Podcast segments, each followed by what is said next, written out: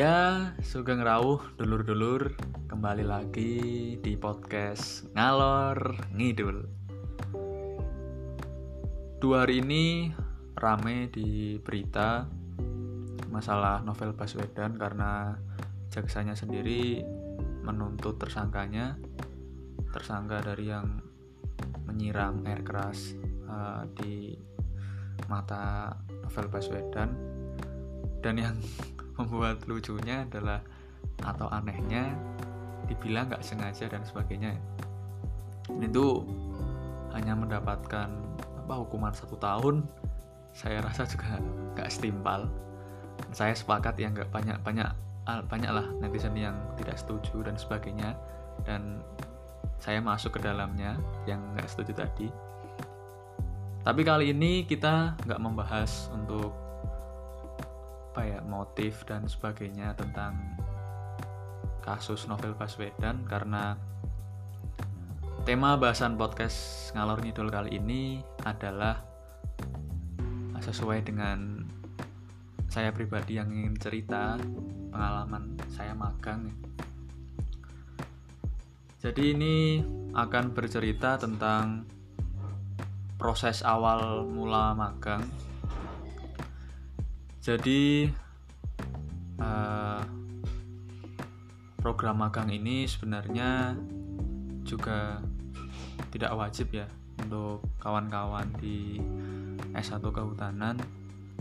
Jadi ini sifatnya sunnah atau boleh dikatakan sih uh, menurut saya menurut saya pribadi adalah sunnah muakat yang jika teman-teman masih diberikan waktu yang longgar atau apa bolehlah mencoba magang.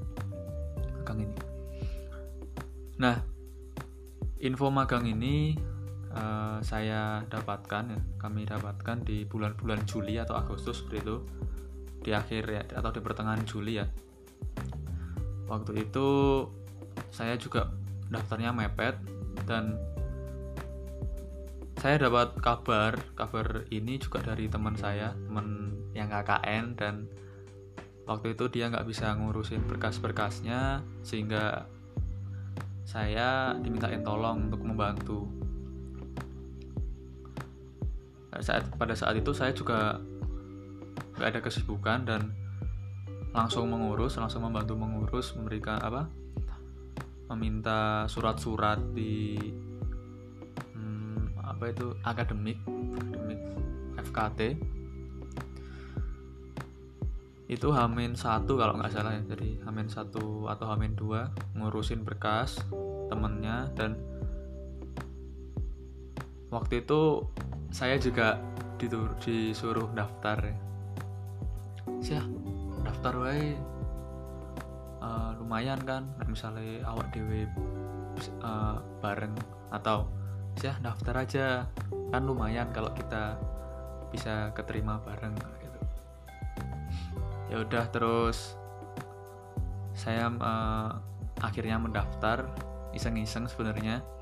Tapi saya juga mikir ya itu nanti akan dibawa di HTI atau tanaman industri dan alhamdulillah dan alhamdulillahnya juga dibiayai. Jadi uh, semacam mendapatkan apa hadiah dan bonus udah di luar Jawa dan dibiayai itu menjadi pengalaman tersendiri.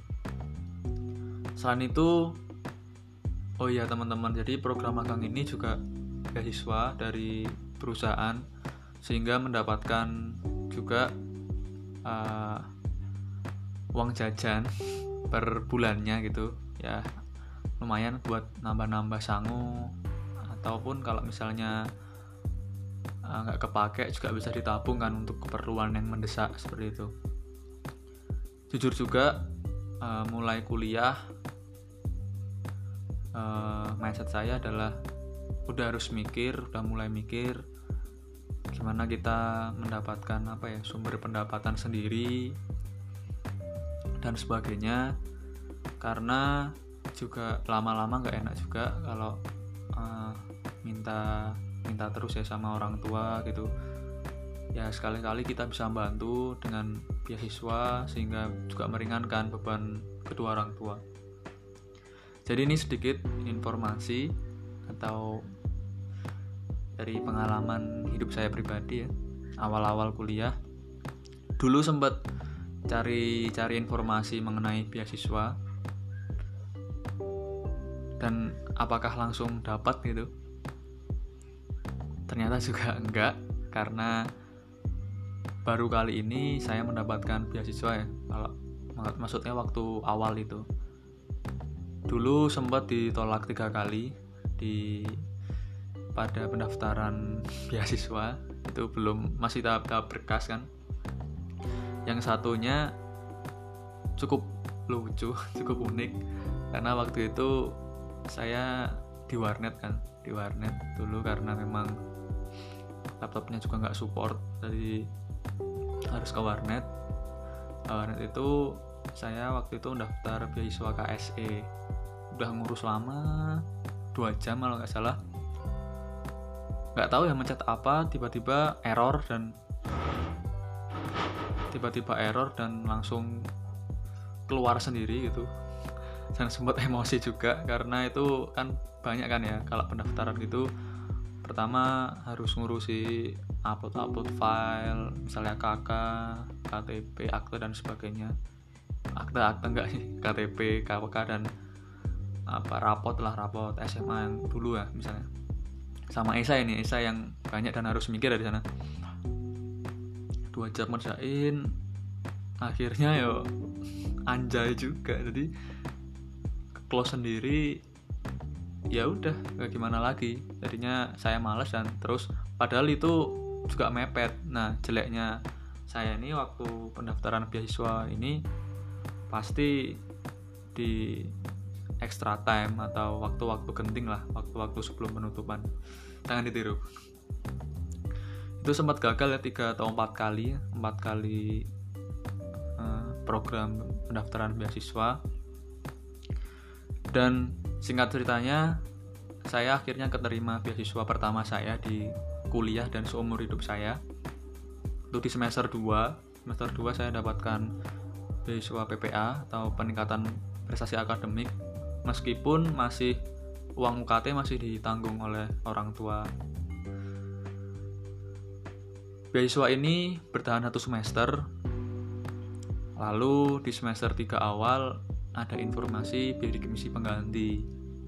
Karena saya memang sering memantau uh, official account gitu, minimal ya di BEM atau di LEM, Lembaga Eksekutif Mahasiswa Fakultas Kehutanan, yang sangat membantu dalam menyediakan informasi-informasi mengenai beasiswa. Saya terima kasih karena membantu program atau kuliah saya hingga sekarang ini ya. Jadi saat itu ada informasi bidik misi pengganti dan kembali lagi saya juga telat ya. Waktu itu ada tiga atau lima hari untuk mempersiapkan apa-apanya. Seenggaknya saya dari kegagalan itu udah dapat pengalaman pengalaman penting di sini adalah ternyata banyak yang harus disiapkan. Dan saya alhamdulillah udah terlatih sehingga filenya sudah saya sediakan sendiri satu file. Dan ketika ada pendaftaran beasiswa uh, yang lain uh, sebelum saya keterima ini saya sering daftar dan sebagainya. Ya itu tadi 3 sampai 4 kali gagal. Oke, kembali lagi ke bidik misi pengganti. Uh, saya coba di akhir detik akhir pendaftaran itu dan alhamdulillah saya lolos dan keterima. Jadi setelah PPA itu satu semester, waktu itu juga ada kawan saya, ada tiga kalau nggak salah, yang saya kenal di kehutanan juga keterima. Lalu saya beralih ke bidik misi pengganti sampai semester 8 seperti itu. lalu waktu itu juga ada kan informasi tentang beasiswa ini tentang beasiswa HTI ini dengan persyaratan juga ternyata boleh nih beasiswa apa bidik misi daftar daftar lagi seperti Oh ya sebelumnya juga saya awal-awal kuliah itu setelah dapat beasiswa PPA itu juga pernah juga jualan bakso bakar ya. Karena waktu itu saya melihat peluang yang danus-danus banyak yang jual bakso bakar dan itu mesti habis. Karena dibandingkan tahu ya tahu bakso atau apa pun bakso bakar ini waktu itu lebih dominan jadi lebih banyak yang suka. Dan saya coba saya coba di sekitar kampus dulu kan. Itu paling uh, satu atau dua waktu jeda perkuliahan gitu saya jual ke teman-teman. Alhamdulillah uh, laku semua itu dua apa? Dua pack nah kan? Dua pack saya jual dan alhamdulillah laku. Tapi terus saya juga nggak enak sama teman-teman yang danus kan yang danus di perkuliahan. Nanti bersaing atau apa makanya ya udah ini kan karena untuk kebutuhan pribadi. Kalau teman-teman danus kan untuk kebutuhan event atau uh, keperluan organisasinya kan memang untuk lebih ke umum kan. Akhirnya saya berpikir untuk ya udah aku menitipkan wae atau menitipkan aja ke warung gitu. Toh juga warung saya alhamdulillah juga banyak mahasiswa yang beli di sana dan ini jadi peluang sebenarnya. Waktu itu nyoba dua pack jadi setiap hari saya stok dua dua bungkus. Itu isinya satu bungkus itu 10 kan jadi 20 bakso dan alhamdulillah laku. Jadi bisa nambah lah ya nambah uang jajan. Jadi dua dua itu ya bisa kalau buat makan sekali gitu atau enggak buat isi bensin lah minimal. Terus sampai sekarang saya tambah lagi dengan minum aqua. Jadi kalau di warung warung Banyuwangi itu kalau ada bakso dan aqua yaitu awalnya dari dari saya pribadi. Ya. jadi saya yang nitipin ke situ ke tempat orang tua saya. Lalu kembali lagi ya kembali lagi ke magang tadi ya. Sebelumnya saya juga nggak tahu ya kalau ini ikatan dinas. Jadi habis program beasiswa ini habis lulus nanti akan dilanjutkan ke ke Palembang atau ke Sumatera Selatan untuk kerja di sana selama 2 sampai 3 tahun. Dan apesnya saya baru tahu ini dari teman waktu akan tes tahap kedua. Jadi tahap pertama kan berkas seleksi berkas alhamdulillah saya lolos dan dilanjutkan di tahap kedua tahap pertama ya. Jadi waktu tahap sebelum tahap pertama itu mengumpul di depan ruangan gitu tanya-tanya weh weh weh siap nggak misalnya keterima kan ikatan dinas? Atau kamu udah siap kalau misalnya nanti ikatan dinas dan sebagainya? Weh ya boh uh, kamu tuh gimana tuh? Masa daftar gini? Uh, ya singkatnya gitu kan. Sempat ragu juga awalnya karena uh, saya rasa hanya magang kan. Jadi hanya magang dibiayai dan sudah gitu. Tapi ternyata harus ada itu tadi ada feedback. Kita harus ikatan dinas 2 sampai 3 tahun kan.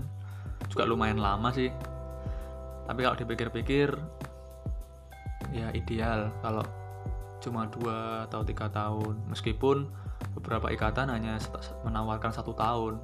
Kalau nggak betah ya udah keluar dan sebagainya. Ya banyak kelebihan dan kekurangannya. Ya udah segini ya jalani. Jalani aja ya. Penting yakin kan?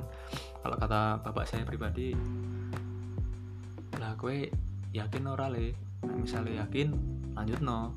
Nah enggak ya wis jadi semua keputusan itu orang tua saya sudah membebankan kepada saya. Jadi saya harus bisa tanggung jawab dengan keputusan saya sendiri. Awalnya masih kebayang ya. Kebayang ini dulu waktu waktu awal-awal masuk kuliah di kehutanan bayangannya ya perhutani atau kementerian. Nah enggak juga ada rencana sih ingin lanjut ke S2 dulu pengen ke Jerman kan Jerman karena kenapa ya di sana uh, juga merupakan ada fakultas kehutanannya yang cukup tertua juga ya di di ini di seluruh kampus di berbagai negara. Beberapa akhir-akhir ini juga tertarik juga ke MM Master Management. Mikirnya kenapa di MM ya lebih terapan aja sih kayak untuk diri pribadi kan kalau kehutanan kan harus punya objek ya objek kayak lahan yang luas dan sebagainya kalau mau nerapin itu.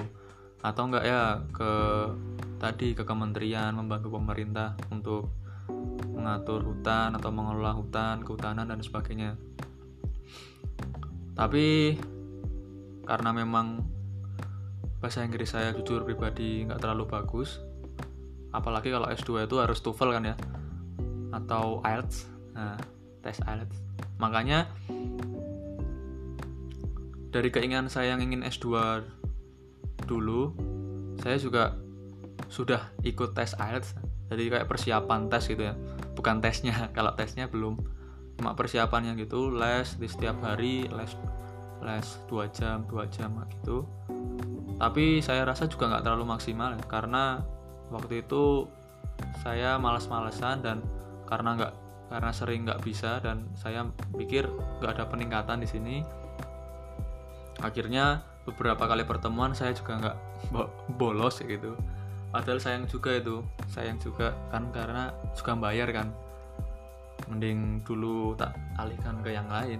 Ya memang waktu itu kes, uh, cuma terpikiran aku les ya udah mangkat bayar dan sebagainya. Tapi malah jadinya nggak maksimal. Ya, sempat nyesel juga. Tapi akhir-akhir ini karena memang sebenarnya kebutuhan bahasa Inggris itu hanya di S2 ya. Jadi kayak di dunia kerja atau apa yang di HTI sendiri yang saya magang kemarin dan insya Allah akan bekerja di sana di setelah lulus juga banyak uh, orang luarnya kayak Jepang, Filipina, India itu banyak di sana. Dan kita sehariannya ketemu gitu. Ya pakai apa lagi kalau nggak pakai bahasa Inggris? Ya beberapa juga udah paham mengenai bahasa Indonesia gitu. Akhirnya itulah yang mendorong saya untuk pengen les sebenarnya bis magang ini ke Pare atau kampus Inggris Jogja lah udah saya cadang uh, udah saya rencanakan di semester 7 kemarin 7 awal.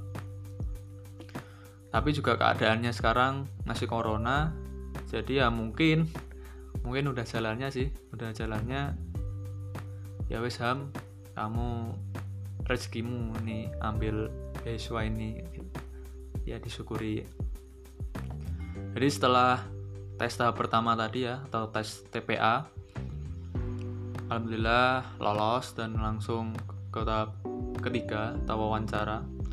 Di wawancara itu kita dipertanyai waktu itu Pak Tanen. Pak Tanen ini eh, apa ya bagian HR tapi kalau nggak salah dia manajernya manajer HR-nya di perusahaan ya itu mem membawa sebuah sebuah kasus atau topik kasus gitu ya. Kita disuruh menemukan solusinya. Ya namanya juga baru pertama kali pengalaman wawancara ya apalagi untuk di tes tes seperti itu ya agak grogi juga. Tapi alhamdulillah waktu itu saya nggak pertama. Jadi saya di jam-jam 1 teman-teman saya di jam 7 ada yang di jam 9 dan sebagainya bahkan yang tadi KKN itu balik lagi eh, balik sehari untuk tes untuk tes wawancara dan teman-teman yang lain. Dari sana saya dapat pembelajaran dari teman-teman yang sudah. Wih gimana tesnya? Susah apa enggak? Enggak enggak nanti dikasih topik kasus gini gini gini. Ya sedikit cerita. Tapi ya tetap aja itu nanti waktu pelaksanaannya juga ternyata nggak semudah itu jadi ada top sebuah topik kasus intinya berbicara mengenai manajemen uh, manajemen manusia ya. Jadi untuk kamu nanti kalau keterima kamu akan memberikan solusi seperti apa untuk perusahaan. Nih kasusnya seperti ini. Coba kamu uh, cermati dulu. Saya kasih satu menit. Wah setelah dia ngomong satu menit kok banyak banget?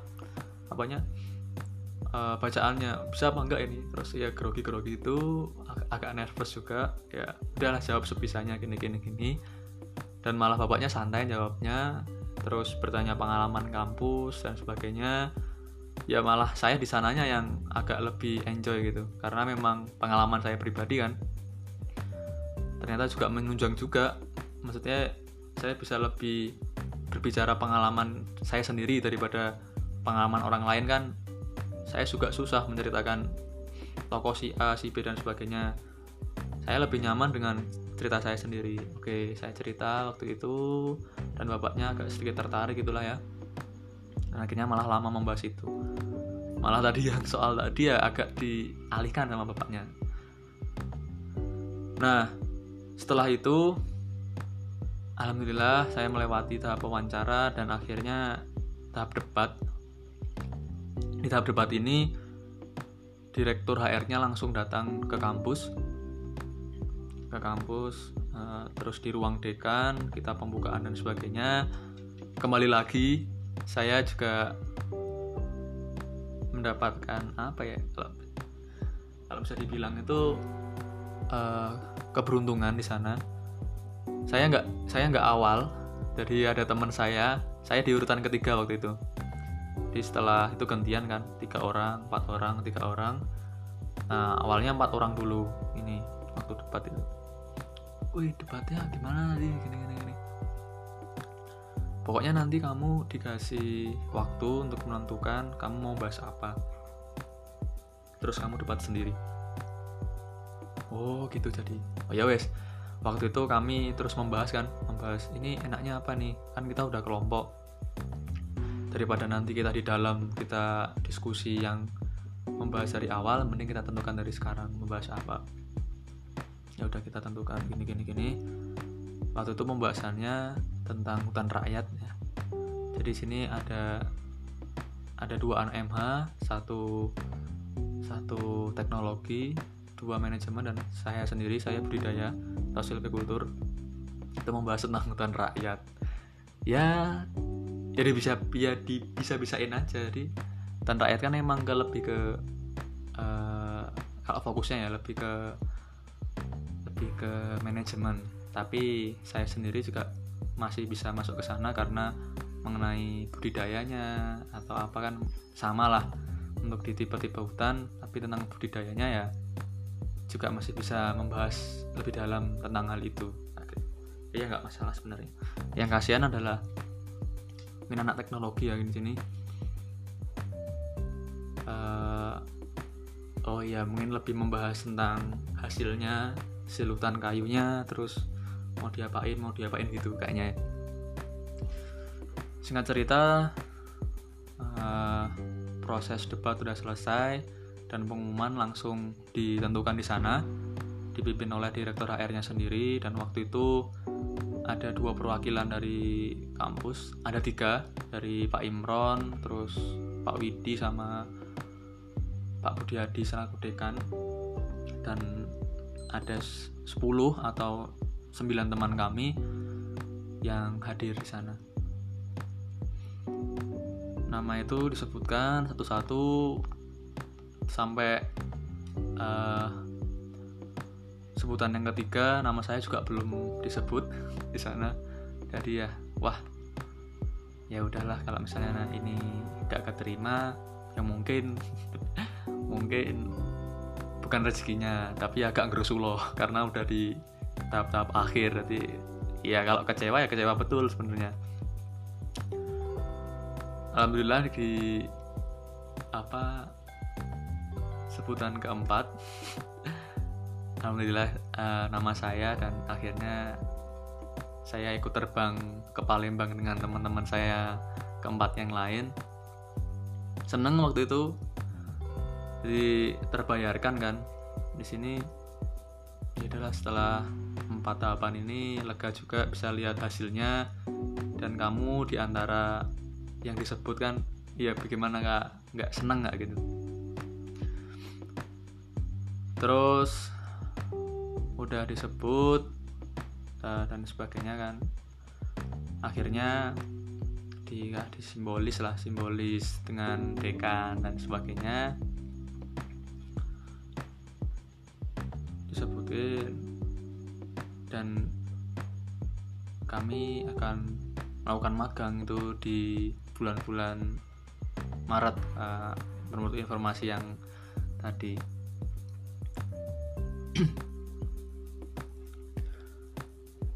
terbang ke Palembang uh, ini juga menjadi pengalaman menarik karena akan menjadi pengalaman terbang yang uh, pertama ya di Palembang atau di Sumatera. Jadi uh, ya pengen aja cepet ya itu untuk ke sana ya.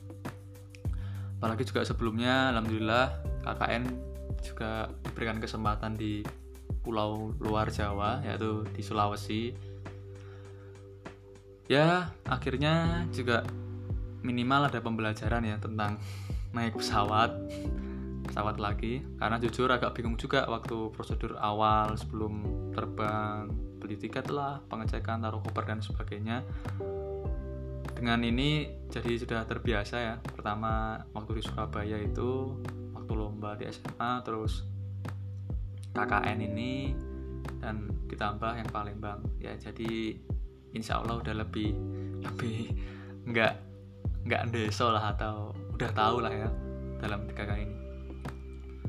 Jadi itu teman-teman atau dulur-dulur sekalian cerita singkatnya bisa diambil dua poin yang minimal di sini adalah yang pertama masih kuliah, masih awal-awal kuliah atau di pertengahan kuliah ataupun juga di akhir-akhir kuliah ini kita masih bisa untuk mencari informasi beasiswa sebanyak mungkin.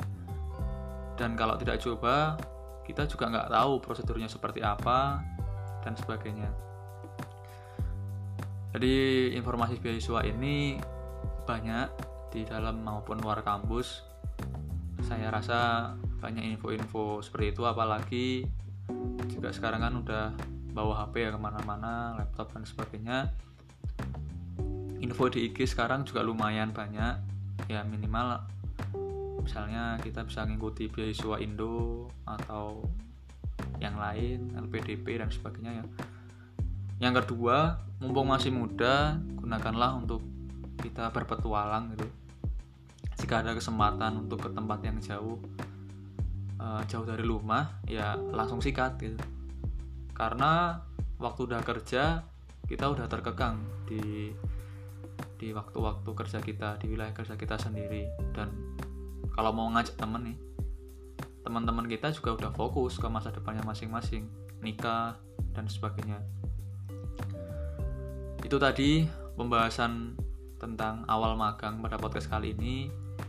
Uh, untuk ke depannya akan membahas uh, aktivitas magangnya seperti apa, kejadian unik atau pengalaman menarik yang nantinya akan di-share juga di podcast-podcast selanjutnya. Semoga dulur-dulur semua menikmati dan saya harap juga podcast ini membawa kebermanfaatan. Sampai jumpa dan salam masa depan.